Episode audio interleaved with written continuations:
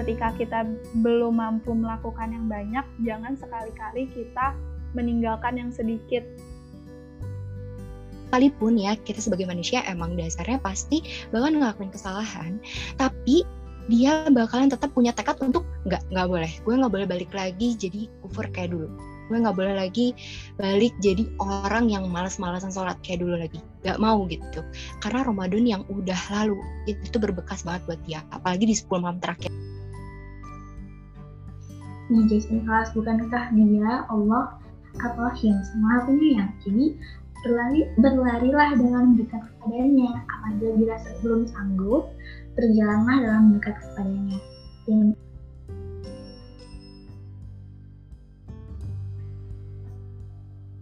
Halo Jasmine Velas, kembali lagi di podcast Suara Teh Jasmine. Kali ini podcast kita ditemani oleh aku Belia, aku Sofi, dan aku Hana. Ye, alhamdulillah. Akhirnya ya teman-teman setelah sekian purnama kita enggak uh, ngeluncurin episode di podcastnya Suara Teh Jasmine sampai teman-teman pada nge-DM teh podcastnya kapan podcastnya kapan nah alhamdulillah nih sekarang kita udah bisa uh, nge-podcast lagi dan uh, didengarin ya teman-teman sampai akhir karena uh, bahasan kali ini lumayan menarik dan uh, semoga bisa diambil manfaatnya. Oke. Okay.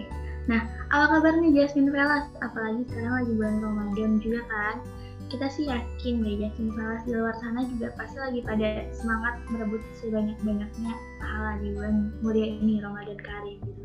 Tapi ada nggak sih rasa-rasa di hati teman-teman Jasmine Falas semua? Rasa kekhawatiran karena Ramadannya sudah memasuki hari-hari terakhir tapi kitanya masih belum berkesempatan juga pahala secara maksimal tugas kuliah yang semakin membludak misalnya karena lagi di semester genap Iya banget, para benar. Ya gimana ya Ramadannya tuh penuh sama agenda-agenda atau kegiatan di luar yang juga harus kita kerjain gitu. Contohnya adalah tugas kuliahan sebagai seorang yeah. mahasiswa gitu ya. Kita pasti penuh banget nih jadwal Ramadannya kayak gitu. Iya teh. Nah atau mungkin juga ada yang lagi kejar-kejaran sama bapak ibu dosen pembimbing atau ada juga yang dikejar-kejar tugas organisasi yang rasanya nggak habis-habis. Nah greget dia sih rasanya padahal nih kita udah planning macam-macam padahal udah nge-setting berbagai targetan di Ramadan. Nah benar banget emang iya, kita tuh emang iya emang kita tuh cuma bisa berencana gitu ya dan ya realita realitanya emang ya nggak sesuai ekspektasi gitu. Nah tapi ya teh alhamdulillah juga wa innalillah ada banyak hal-hal kayak tadi yang seolah-olah menjadikan kita tuh kayak nggak punya waktu untuk memaksimalkan Ramadan di tahun ini ditambah lagi kalau misalkan si dia gitu ya yang misalnya tilawahnya tuh udah banyak bahkan hatam berkali-kali. Atau makin sedih sakit hati di sini ya kan teh? Jadi kayak insecure gitu ya kayak orang-orang udah nampung uh, amalan tuh banyak banget. Sedangkan kita masih di sini-sini aja atau misalnya tilawah kayak nggak selesai-selesai terus apalagi amalan yang lainnya hmm. yang kadang ya tergelincir karena kesibukan-kesibukan lain yang harus kita urusin juga gitu ya teh. Betul. Nah tapi teh uh, sebenarnya tuh masih ada nggak sih kesempatan untuk kita kita yang sedang dalam kondisi semacam ini? Kayak rasanya tuh udah kayak ketinggalan jauh banget sama teman-teman yang lain. Masa masa ramadanku tuh uh, lewat gitu aja sih? Ya Allah. Nah, Jasmine Velas yang keburu sedih-sedih meratai nasib dan jadi merayakan Ramadannya berlalu dengan sia-sia, berlalu dengan kehampaan, berlalu tanpa pelajaran, berlalu tanpa perubahan lebih baik pada diri kita. Jasmine Velas, sini deh, kami mau bisikin sesuatu. Sini sini. jadi jadi ada kabar baik loh, kata Zan Jasmine Velas. Nah nih aja sih Velas, Allah Subhanahu Wa Taala itu baik banget. Ternyata ternyata Allah Subhanahu Wa Taala itu menyimpan pahala berlipat-lipat pada hari-hari terakhir Ramadan yang berarti masih bisa kita usahakan. Tapi tapi memangnya kenapa sih Allah menyimpan pahala banyak di hari-hari terakhir Ramadan? Terus juga oh ya katanya juga ada sesuatu yang spesial banget di waktu-waktu akhir itu. Dan ternyata juga ada loh ciri-ciri orang yang uh, kira-kira akan mendapatkan kemuliaan gitu. Ya masya allah gitu kan canggih betul kan ya? Tapi tapi kita juga harus cari tahu dulu ke semua hal itu. Dan kemudian nanti bisa kita praktikkan deh nah jadi biar langsung bisa bersiap-siap dan kemudian meraih sebanyak-banyak pahala di seluruh di hari-hari terakhir Ramadan. Jadi mari kita cari tahu Bismillah Oke, jadi ya kita akan uh, bahas ini ya, kenapa sih Ramadan itu istimewa, terutama ini nih udah kayak last minute-nya Ramadan, last minute banget ya Ramadan kayak ya ampun tinggal uh, beberapa hari lagi Ramadan itu pergi meninggalkan kita kayak gitu.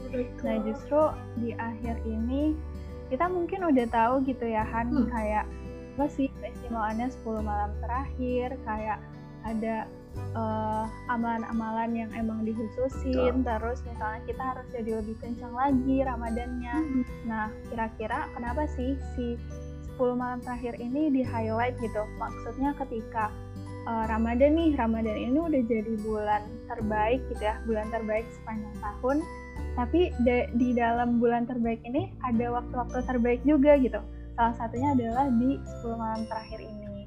Kalau misalnya uh, yang pertama mungkin ya di 10 malam terakhir ini itu tuh jadi ronde terakhir buat kita yang siapa pun kita hari ini gitu yang udah mantep dari awal dan di akhir ini mau ngencengin lagi target-targetannya atau yang dari awal itu masih kayak uh, belum ya tadi ya kasus-kasus yang pada akhirnya Ramadan itu merasa gak maksimal. Tapi sebenarnya uh, Allah juga udah mention gitu di dalam Quran ya kalau misalnya uh, Ramadan ini kita bisa bagi tiga fase gitu dalam hadis mohon maaf sebelumnya dalam hadis uh, riwayat al baihaqi kalau misalnya Rasulullah itu bilang Ramadan ini tuh ada tiga fase.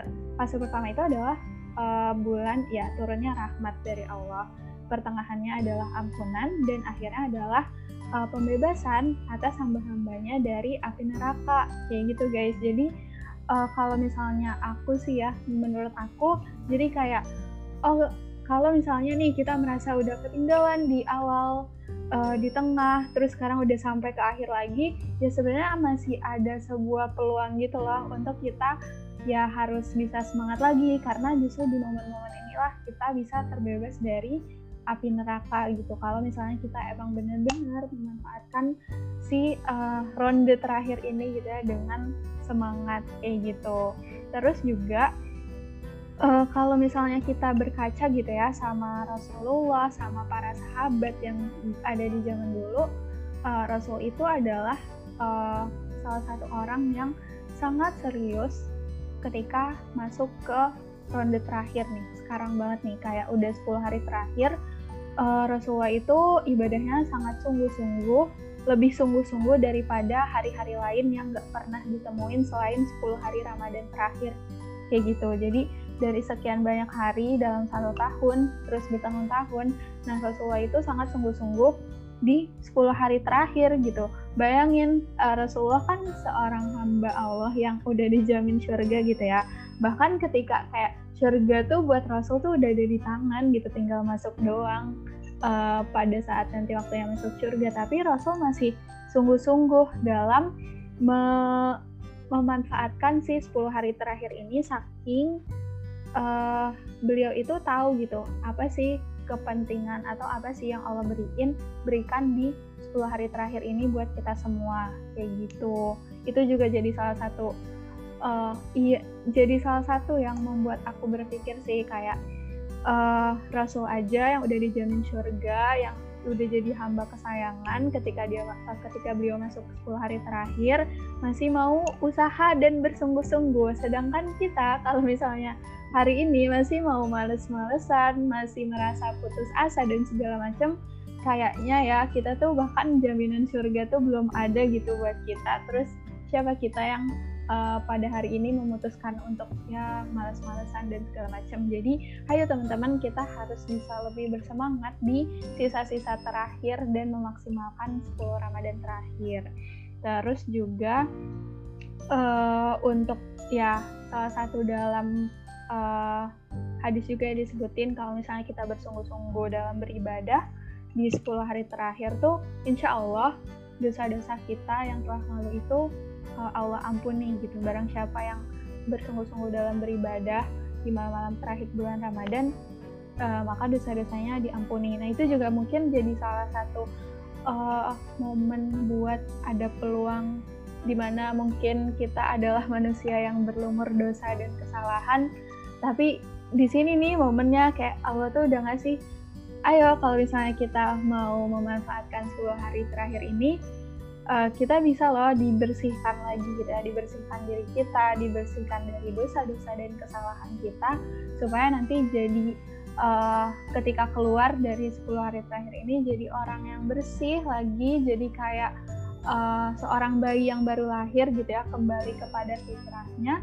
kembali jadi kayak ya udah teman-teman tahu kan maksudnya uh, bayi baru lahir itu ya bersih suci tanpa dosa kayak gitu. Harapannya sih kita maunya kayak gitu kayak gitu. Nah terus uh, selain itu juga nih uh, kalau misalnya udah sampai di akhir nih kita ibaratkan kalau misalnya Ramadan ini katanya ya katanya Ramadan ini adalah kompetisi gitu. Di mana kita harus banget untuk uh, memaksimalkan ibadah-ibadahnya terus sampai akhirnya supaya kita dapat uh, di akhirnya itu dapat medali takwa dan segala macam itu sering banget gak sih kita dengar kayak gitu.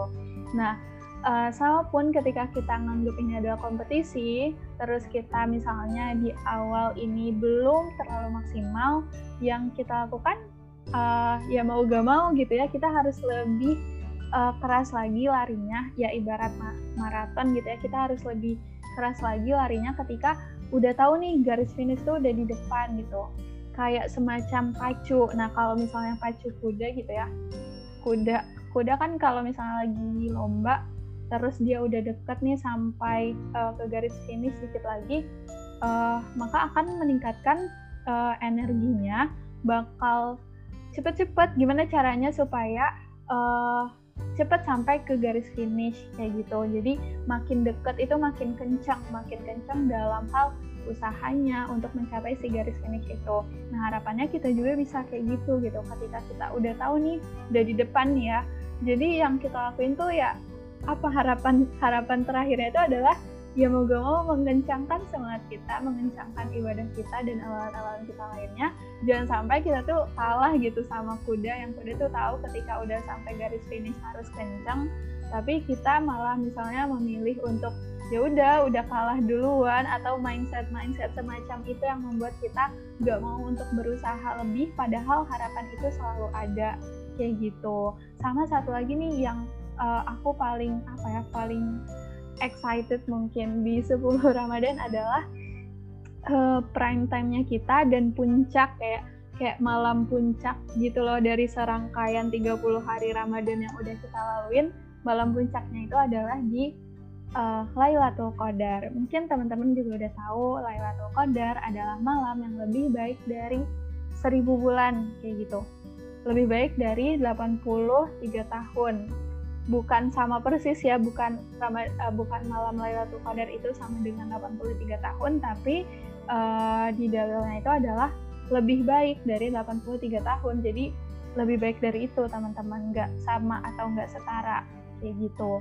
Nah itu juga jadi uh, karena Lailatul Qadar ini juga jadi momen yang mungkin semua orang tuh tunggu-tunggu gitu. Semua orang uh, juga mencoba untuk mencari di mana sih malam Lailatul Qadar yang sebenarnya kita cuma dikasih clue adanya di 10 malam terakhir. Ada juga di, uh, yang bilang kalau misalnya di malam-malam ganjil, tapi gak menutup kemungkinan kalau misalnya di malam genap itu juga nanti akan ada uh, peluang untuk jadi malam Lailatul Qadar. Intinya cuma dikasih tahu 10 malam terakhir kayak gitu. Jadi kita kayak main tebak-tebakan gitu loh. Gimana sih si Lailatul Qadar ini, si malam puncak ini yang Allah beneran kasih banyak banget keutamaannya kayak gitu ya. Itu jadi rahasia banget dan sebenarnya kalau misalnya mau ditarik hikmahnya, mungkin Allah tuh tahu gitu, kita tuh adalah manusia yang kadang misal nih kita udah tahu nih misal kita udah dikasih tahu oh si Lailatul Qadar ini akan uh, jatuh pada tanggal 21 nah pasti namanya seorang manusia pasti kita tuh cuman akan uh, semangat mengejar si Lailatul Qadar ini cuma di malam 21 doang gitu. Pasti yang lain-lainnya akan kita tinggalin. Loh ya iya ngapain juga gitu karena si malam puncaknya udah lewat gitu misalnya. Makanya mungkin salah satu hikmah dari tersembunyi, tersembunyinya malam puncak ini salah satunya adalah supaya kita mau nih ngejar beneran di 10 hari terakhir kita ibaratin uh, semua itu adalah malam-malam istimewa, semuanya adalah malam-malam puncak walaupun kita nggak tahu kapan si uh, prime time Lailatul Qadar ini akan kita dapatin. Tapi intinya supaya ikhtiar kita lebih panjang dan Allah sangat tahu tabiat dan karakter manusia seperti eh, kayak kita itu kayak gimana gitu ya. Jadi dikasihlah uh, clue adalah di 10 malam terakhir. Mungkin itu juga jadi poin-poin yang membuat si Ramadan ini istimewa terutama kalau misalnya udah di akhir. Kayak gitu kali ya mungkin uh, dari gimana nih? Menurut teteh-teteh yang lain ya, ada yang benar banget. mungkin tadi menarik banget sih tadi yang uh, Sofi waktu bilang jangan sampai kalah sama kuda gitu kan. Ya masa kita mau uh, apa ya mau leyeh-leyeh sampai akhir gitu ya? Atau kita mau uh, apa sih uh, nyerah uh, padahal udah dikasih kesempatan sampai ke titik akhirnya gitu. Kayak dikasih yaudah deh kamu di awal nggak nggak berhasil tapi di akhir masih dikasih keberkahan dan uh, apa ya uh, kedahsyatan yang lainnya gitu kan. Jadi ya kita buat apa gitu untuk melewatkan kesempatan besar ini gitu kan. Karena kan kita uh, belum tahu ya gitu apakah di Ramadan selanjutnya kita masih bisa ketemu dengan uh, apa ya keutamaan-keutamaan yang ada di Ramadan gitu kan. Jadi sebisa mungkin gitu kan kita untuk manfaatin itu gitu. Iya betul banget Bel. Ya kayak belum tentu ya ketemu lagi Ramadan selanjutnya gitu. Eh, Benar, siapa tahu ini adalah emang yang terakhir, terus udah yang terakhir tapi kita lewatin gitu aja. Itu tuh rasanya yeah. kayak waduh. Kayaknya harus banyak banget yang dibenahi dari diri kita gitu ya.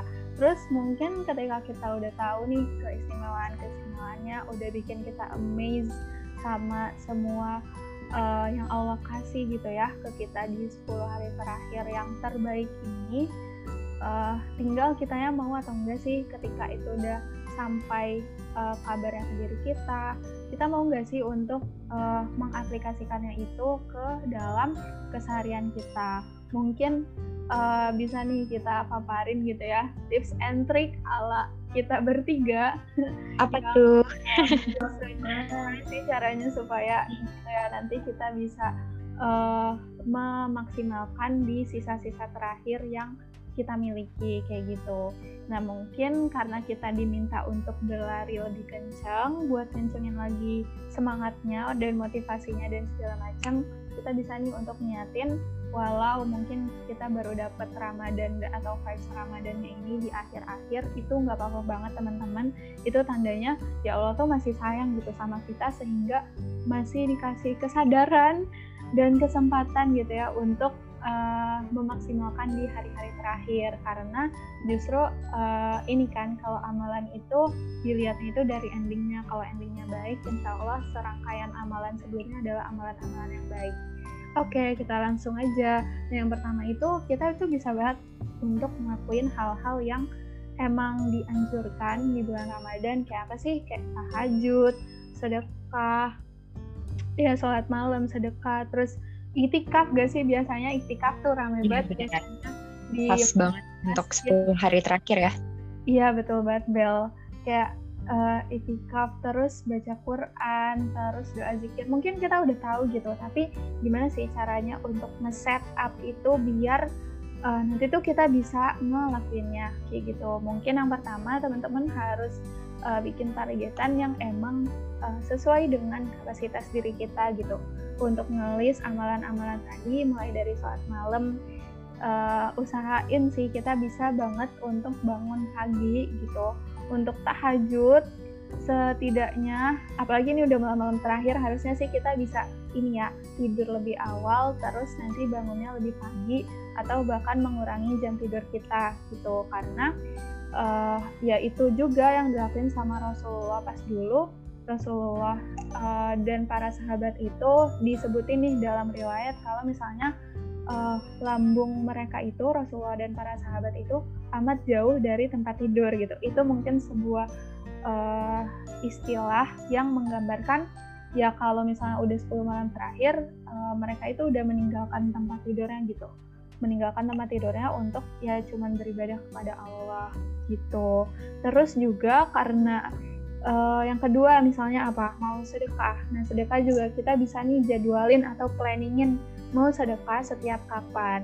Nah biasanya tuh karena kita nggak tahu ya, maksudnya kita kan berburu juga nih, berburu Lailatul Qadar, tapi kita nggak tahu kapan. Sebenarnya kita bisa nih mengalokasikan sedekah-sedekah kita itu per hari gitu loh. Jadi kayak hari ini sedekah, besok sedekah, sampai nanti akhir Ramadan itu jadi tiap malam itu kayak ada sedekahnya kayak gitu. Nah mungkin itu bisa kita atur gimana caranya supaya tiap hari itu kita bisa mengeluarkan sebuah sedekah yang kita bisa kasih ke orang-orang di luar sana. Sebenarnya sekarang banyak sih kayak lembaga-lembaga uh, zakat dan sedekah gitu yang fasilitasi nih kalau misalnya mau sedekah 10 malam terakhir gitu. Jadi kita tinggal bayar di awal terus nanti uh, alokasiin atau distribusiin uh, sedekah kita itu per hari uh, sama lembaga tersebut. Itu mungkin boleh teman-teman cari sendiri ya kayak gitu. Uh, terus itikaf, nah ini itikaf sih ini paling tantangan karena pandemi itu kayak udah dua tahun ya kondisinya kayak gini. Mungkin kita juga sekarang COVID lagi naik-naik juga gitu. Uh, yang mau keluar itu rasanya berat karena ya karena masih ada pandemi itu. Tapi sebenarnya itikaf itu juga bisa kita lakuin di rumah gitu dengan berdiam diri, berzikir, doa, terus khusyuk sama uh, hal-hal yang mau kita capai di 10 malam terakhir ini dengan beriktikaf di rumah gitu. Mungkin caranya teman-teman bisa nih uh, sisain sedikit ruang, ruangan di rumah teman-teman di mana pun itu, yang ruangannya itu emang khusus untuk teman-teman beriktikaf gitu. Nggak lagi di uh, misalnya di kamar yang ya semua barang ada di situ gitu, ada kasur, ada meja dan segala macam tempat kita beraktivitas. Tapi beneran ruangan yang bisa yang bisa bikin kita khusyuk dalam benar-benar memanfaatkan si itikaf di rumah ini. Kayak gitu teman-teman. Terus apa lagi ya baca Quran ya. Baca Quran tetap dilanjutin sesuai teman-teman itu sanggupnya baca berapa gitu. Jadi pada intinya balik lagi ke sanggupan kita itu kayak gimana. Karena kalau misalnya targetnya sedikit tidak masuk akal itu bakal berat buat kita. Jadi untuk mempermudah itu semua dan juga waktunya udah mepet, jadi kita bisa banget untuk menyesuaikan nih. Emang kalau misalnya pace kita baru baru bisa baca sehari satu halaman bahkan sehari satu ayat itu pun sama sekali gak apa-apa daripada kita nggak baca sama sekali gitu bahkan ketika kita cuman sehari berbekal satu ayat pun ya sampai nanti akhir Ramadan mungkin kita dapat 10 ayat 10 ayat yang pada akhirnya bisa membekas dalam diri kita itu lebih baik kan daripada kita nggak ada sama sekali. Ketika kita belum mampu melakukan yang banyak, jangan sekali-kali kita meninggalkan yang sedikit. Kayak gitulah intinya kayak gitu untuk segala targetan apa pun sih sebenarnya bisa di kayak gitu tuh teman-teman. Terus yang selanjutnya of course yang paling utama dan yang paling kita butuhkan gitu ya, kita butuh untuk memperbanyak berzikir dan berdoa kepada Allah gitu. Nah sebenarnya uh, ada ini ya, ada apa? Uh, ada doa nih yang diajarin oleh Nabi ketika kita tuh masuk mau uh, masuk 10 hari terakhir. Waktu itu uh, dalam sirahnya gitu disebutin kalau misalnya Aisyah itu nanya ke Rasulullah, Rasulullah uh, ibaratnya kayak gini, Rasulullah apa sih ketika kita dapetin malam Lailatul Qadar apa sih yang harus kita ucapin apa sih yang harus kita minta gitu ya sama Allah terus Rasulullah itu menjawab maka ucapkanlah uh, doa Allahumma innaka afuwun tuhibbul afwa fa'fu anna artinya itu adalah ya Allah sungguh engkau maha pemaaf dan mencintai kemaafan maka maafkanlah aku gitu. Nah itu adalah salah satu doa yang diajarkan Rasul, Rasulullah kepada Aisyah dan mungkin itu bisa buat kita terapin di 10 malam terakhir ini. Nah ada juga sih sebenarnya hikmah di balik doa ini ya. Kenapa sih Rasul malah ngajarin doa untuk meminta maaf gitu sama Allah? Karena ternyata dahsyatnya dari minta ampunan, minta maaf dan juga beristighfar itu dahsyat banget gitu teman-teman. Ketika kita punya banyak banget hajat punya banyak banget keinginan tapi kita nggak punya waktu untuk berdoa uh, maka beristighfar lah gitu. Ada ya ada salah satu riwayat seperti itu. Jadi kayak uh, minta maaf itu jadi pamungkas jadi doa yang pamungkas karena ketika Allah itu udah maafin kita udah ngampunin kita dan udah mencintai kita uh, Allah akan menyelesaikan segala urusan kita urusan dunia dan urusan akhirat kita. Dan ya itu gitu loh jadi kayak kita pun kita nggak perlu nih minta lagi untuk uh, ya Allah aku punya masalah ini ini ini tapi dengan istighfar Allah tuh tahu gitu. Uh, dengan terampuninya kesalahan-kesalahan kita Allah tuh jadi sayang sama kita dan lebih uh, mencintai kita dengan salah satu adalah menyelesaikan urusan-urusan kita. Kayak gitu itu juga masya Allah sih. Jadi doa ini tuh benar doa yang harus kita panjetin. Karena kita manusia yang kotor manusia yang banyak salah justru dengan doa ini jadi kita terampuni lagi minta diampuni lagi gak jadi orang yang sombong mungkin dan lain sebagainya kayak gitu Masya Allah, keren banget emang Sufi. Jadi kalau tadi kita ngomong-ngomong ya tentang beberapa amalan, itu kan tadi ada memperpanjang sholat malam, sedekah, itikaf, tilawah, dan berikutnya ada doa. Nah, tadi ada doa yang disampaikan sama Tante Sofi, mungkin Jasmine kelas di rumah juga bisa tuh mulai menghafal doanya dan uh, rutin mengucapin doanya itu, apalagi di hari-hari terakhir Ramadan, ya kan? uh, doa sendiri juga kita sering dengar ungkapan gitu. Kalau misalnya doa itu adalah senjata terbaiknya seorang mukmin gitu. Dan ditambah lagi juga uh, saat Ramadan itu waktu mustajab berdoa itu banyak. Tidak tidak terbatas pada waktu-waktu tertentu seperti di luar bulan Ramadan ya kan? Jadi Yasin Velas boleh banget waktu-waktunya kalau misalnya ada waktu luang lagi nunggu misalnya mau presentasi uh, di kelas gitu mau presentasi online mau rapat organisasi boleh banget waktunya dipenuhi untuk berdoa. Apalagi utamanya doa yang udah disampaikan sama Tessa tadi. Allahumma inna afuwwun yang tuhibbul afwa fa'fu anna gitu Ya betul banget Hana, setuju setuju.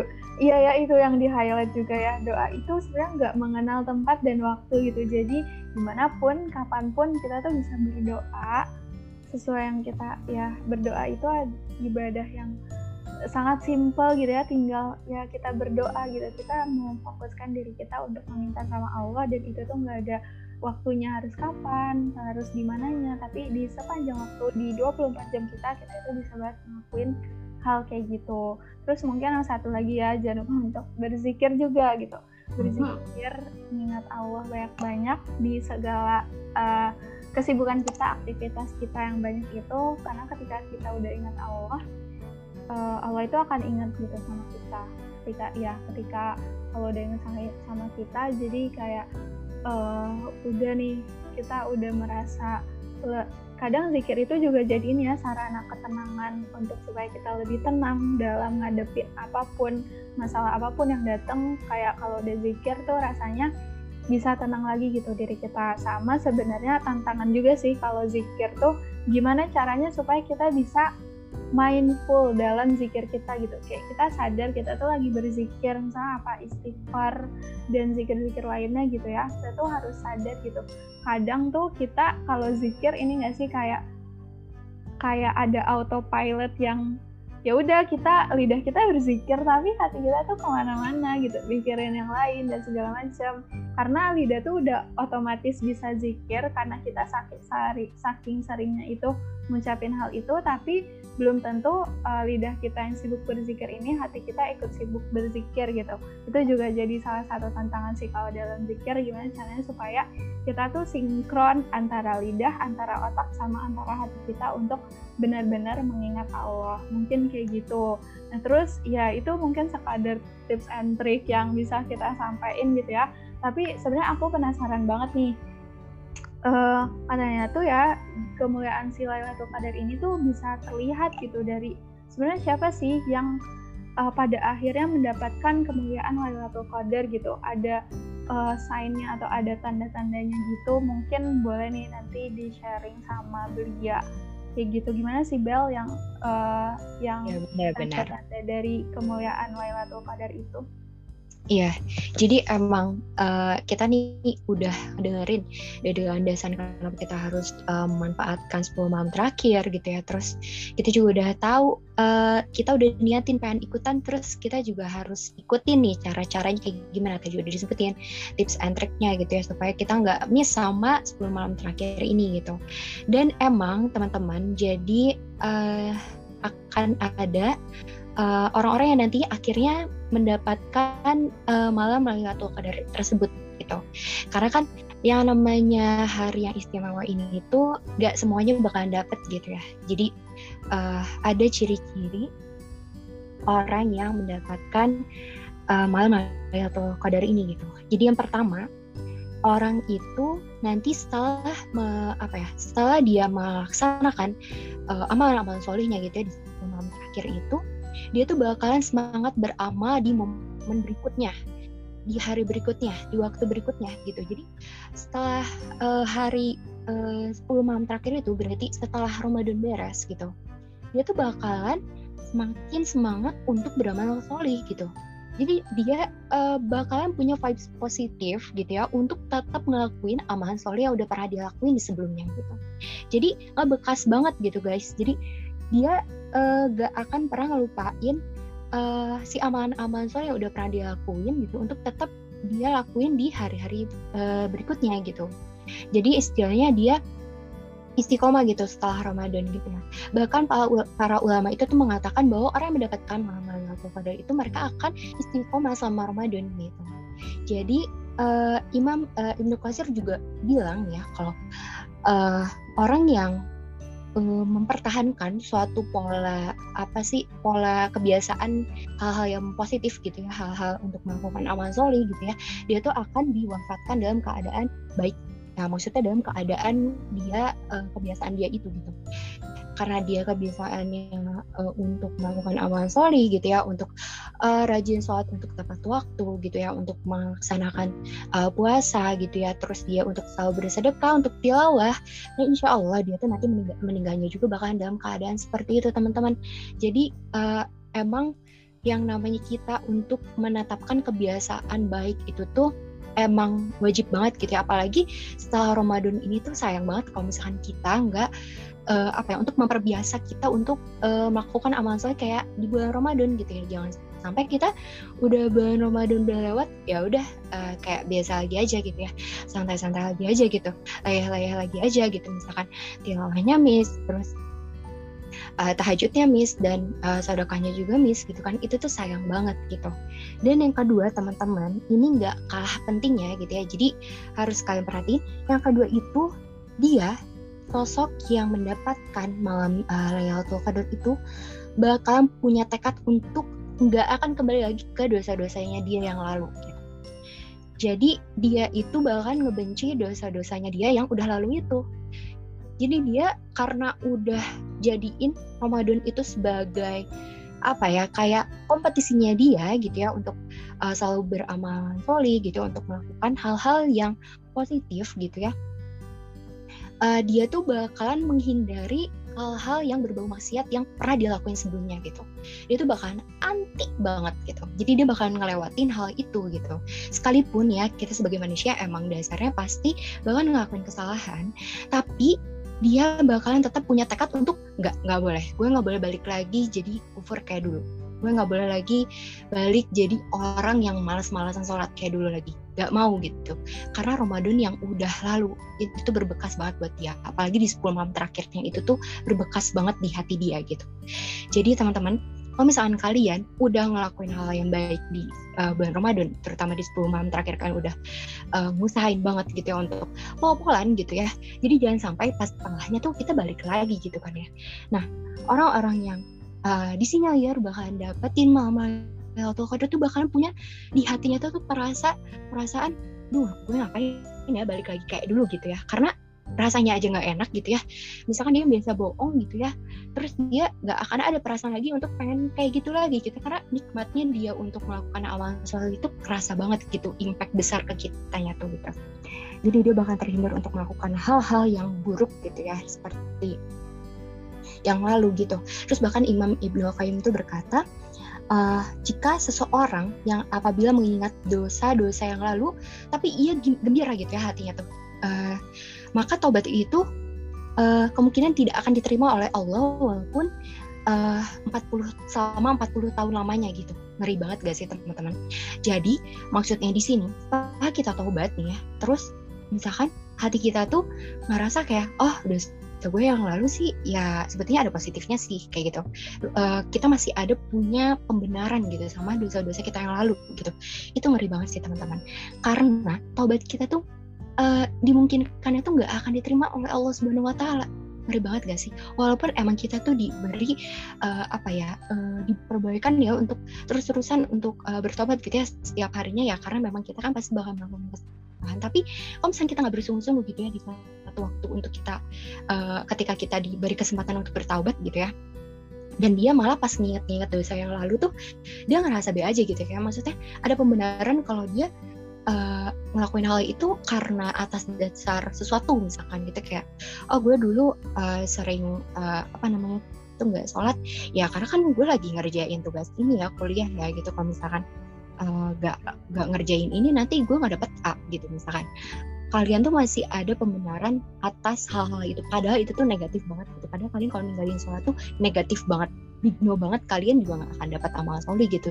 Dengan kalian ngerjain tugas dapat A tapi kalian ngelewatin sholat juga kalian nggak akan dapat uh, apa ya nggak bakalan dapat keberkahan atas ilmu yang kalian kerjakan gitu. Kayak gitu teman-teman. Jadi uh, emang ternyata uh, ada ciri orang yang mendapatkan malam malam Lailatul Qadar tersebut gitu ya. Tadi yang pertama dia bakal semangat untuk beramal di momen berikutnya. Terus yang kedua juga dia bakalan membenci dosanya yang telah lalu gitu. Itu guys. Ih, wah, ya mantep banget ya ternyata. Uh, mungkin saking dahsyatnya si malam Lailatul Qadar ini gitu ya, saking sangat wownya sampai sebenarnya orang-orang yang telah melalui malam itu tuh bakal sangat bikin Ramadannya itu berbekas dan bisa jadi mentransformasikan diri dirinya uh, dia gitu yang sebelumnya mungkin banyak kesalahan banyak dosa terus sampai ketika nanti udah lewat dia tuh dijaga mungkin ya dijaga sama Allah untuk membenci hal-hal yang sebelumnya itu dia kerjain dan dia merasa nggak bersalah atas hal itu. Itu itu aku uh, amazed banget sih yang ketika orang itu ketika udah lewat nanti dia itu akan uh, membenci hal-hal yang dulu mungkin kesia-siaan dia, kesalahan dia, dosa-dosa yang dia lakuin. Uh, ketika sebelum Ramadan mungkin dan sebelum-sebelumnya gitu ya ketika udah lewat momen itu dia bakal jadi seorang kayak versi yang lebih baik gitu ya. Mungkin ya benar benar. jadi versi yang lebih baik ketika si 10 malam terakhir ini utamanya kalau misalnya kita semoga aja gitu ya Bel ya sama Hana kita dapat amin. Lailatul Qadarnya itu pada akhirnya bekal yang ditinggalkan amal-amal yang udah kita laluin itu akan membuat kita jadi versi yang lebih baik dari diri kita yang sebelumnya. Kayak gitu. Keren ya. banget sih Oke, berarti ya teh kita udah tahu tadi kan kayak kenapa sih gitu di hari-hari terakhir itu kenapa. Terus ada apa aja tadi aman yang sudah lakuin sama yang terakhir yang keren banget kayak siapa aja sih sosok yang kira-kira tuh akan mendapatkan keutamaan hari-hari terakhir gitu ya? Masya Allah, Masya Allah, Masya Allah. Alhamdulillah hal gitu. Ternyata tadi kita semua udah tahu dan semoga kita semua bisa paham tentang keistimewaan hari-hari terakhir jadi Jasmine Flowers tersayang, jangan sedih ya, dan apalagi apalagi sampai menjauh dari Allah karena merasa separuh perjalanan atau lebih di bulan Ramadan ini tuh berlalu dengan kurang baik atau bahkan cenderung dipenuhi dengan tugas-tugas yang rasanya tuh banyak banget gitu. Nih Jasmine Flowers bukankah dia Allah atau yang semua penyayang? Jadi berlari, berlarilah dengan dekat kepadanya. Apabila dirasa belum sanggup, berjalanlah dalam dekat kepadanya dan ini nih sebagaimana ada sebuah hadis qudsi yang bilang, Jika ia mendekat kepadaku sejengkal, aku mendekat kepadanya sehasta. Jika ia mendekat kepadaku sehasta, aku mendekat kepadanya sedepa. Jika ia datang kepadaku dengan berjalan biasa, maka aku mendatangi dengan berjalan cepat. Hadis riwayat, hadis qudsi.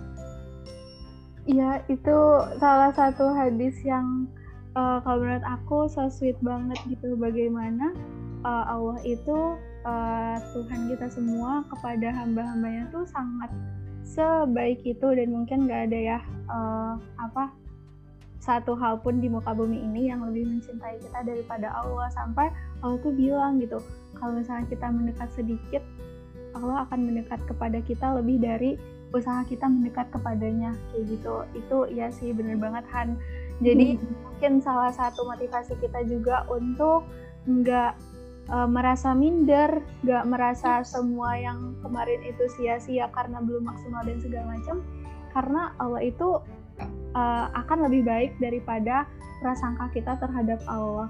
Kayak gitu mungkin ya. Betul. Uh, masya Allah banget di situ ya Nah, jadi yes, salah semua sesuai sama tanggapan tes Ovi juga tadi sama hal yang disampaikan sama Teh tadi semangat ya dalam memaksimalkan hari-hari yang tersisa di Ramadan ini. Jadi hidupkanlah malam-malam dengan sholat dan tilawah misalnya kelas juga misalnya bisa penuhi waktu siangnya dengan sebaik-baik amal baik itu bekerja, belajar, berdagang atau yang lainnya Nah, jadikanlah juga Ramadan ini sebagai Ramadan dengan ending terbaik yang bisa kita buat. Janganlah berputus asa dari rahmat Allah di hajat kelas. Mari kita usahakan dengan sebaik-baiknya supaya nanti saat hari raya Idul Fitri kita benar-benar kembali pada keadaan suci dan benar-benar meraih kemenangan. Karena Idul Fitri itu kan hari kemenangan. Tapi kalau Ramadannya kita nggak ngapa-ngapain, apa yang mau kita rayakan? Kemenangan plus apa ya? Nah, jadi biar Jasmine Vela selamat memasuki hari-hari terakhir Ramadan.